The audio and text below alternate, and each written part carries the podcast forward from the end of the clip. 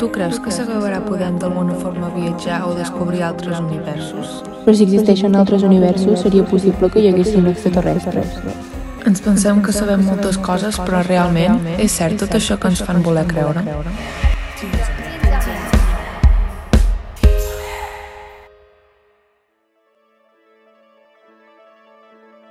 Benvinguts al podcast on podeu aconseguir tenir uns mínims coneixements sobre l'espai. Avui parlarem sobre els multiversos i els extraterrestres.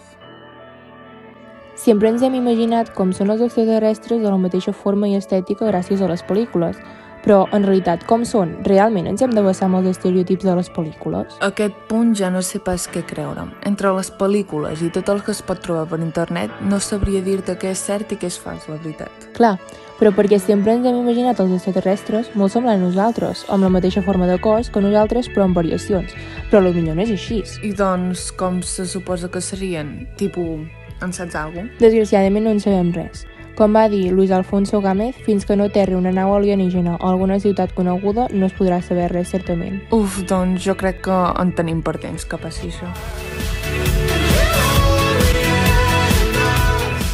Tu, però, amb el tema aquest dels omnis hi han moltes teories, veritat? Sí, sobretot el paper dels governs ha sigut clau de les tantes teories que s'han creat. O sigui, tot va començar amb la Guerra Freda. Amb la Guerra Freda? Aviam, explica'm això perquè ho entengui millor. Aviam, als Estats Units, la Guerra Freda amb els soviètics i el secretisme que envoltava els projectes dels avions espia van fer creure a molts investigadors que el que estaven amagant a l'opinió pública era que els alienígenes ens visitaven i que tenien un pacte amb el poder. Però, tipus, van presentar aquests projectes, no? Exacte. Doncs, quan ho van fer, què va passar? Doncs com que les característiques eren semblants als suposats ovnis vistos, van deixar en evidència a molts ufòlegs i totes les seves teories de les invasions extraterrestres, tot i que encara mantenen que el govern continua sense explicar-nos tota la veritat.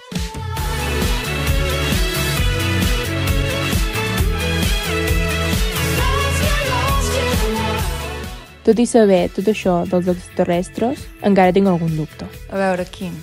O sigui, si realment existeixen, on se suposa que viuen? Perquè dubto molt que estiguin flotant per allà al mig de l'espai. Doncs llavors els podem relacionar amb el multivers. I què és això del multiunivers? El multivers és un conjunt hipotètic de múltiples universos, que més o menys són independents i que inclou el nostre. Però de vegades els diferents universos del multivers reben el nom d'universos paral·lels, que aquest és el nom que segurament et sona més. Sí, ho he sentit algun cop, això dels universos paral·lels, però mai he dedicat temps en saber-ne més. Sort que tu m'ho explicaràs millor, oi? Sí, sí, però lo fort és que, a part d'haver-n'hi molts, molts d'aquests, que poden ser infinits i tot, són universos semblants al nostre. I a sobre hi ha molt a saber que segurament mai descobrirem, ja que és un tema molt extens. No I tot això que m'has explicat, se n'ha tret algunes teories? Sí.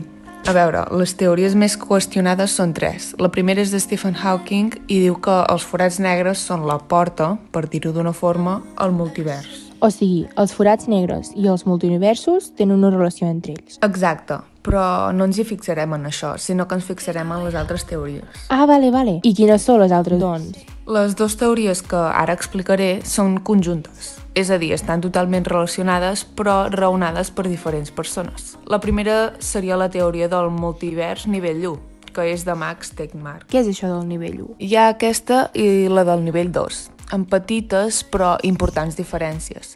Doncs, com deia, la teoria del nivell 1 diu que existeixen altres universos amb persones iguals que nosaltres, però amb alguna diferència. Com, per exemple... Per exemple, en comptes de vestir com vestim nosaltres, potser vesteixen d'animals, per dir-ho d'alguna forma. És això, petites diferències.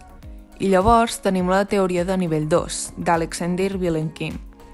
Aquesta diu que hi ha altres universos, però aquests són completament diferents – amb una altra física, una altra història i fins i tot diferent nombre de dimensions. Uau, que fort!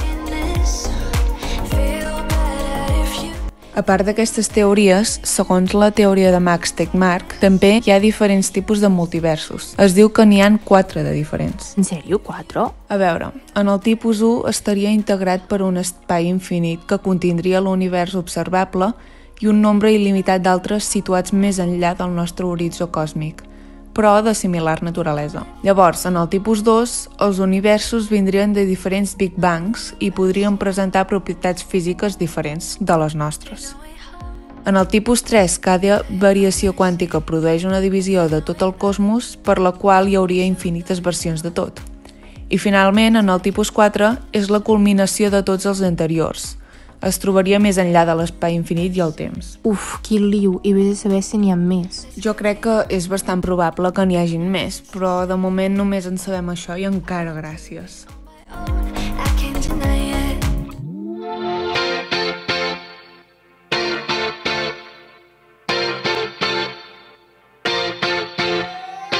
Eric von Daniken era un escriptor suís que va difondre la teoria de que la Terra va estar visitada per alienígenes del passat. La teoria M, unificadora de la teoria de les cordes, diu que el nostre univers es troba dins d'una brana, que seria una membrana tridimensional. Els astrònoms que busquen senyals alienígenes han examinat fins ara només uns pocs milers de sistemes solars i també han vist que la Via Làctea compta amb prop de mil milions de sistemes estel·lars que podrien tenir una vida intel·ligent sota els nostres supòsits actuals. Segons diuen els físics Andrei Linde i Alan Guth, si bé hi ha altres universos, aquests es troben en regions de l'espai molt allunyades de la nostra.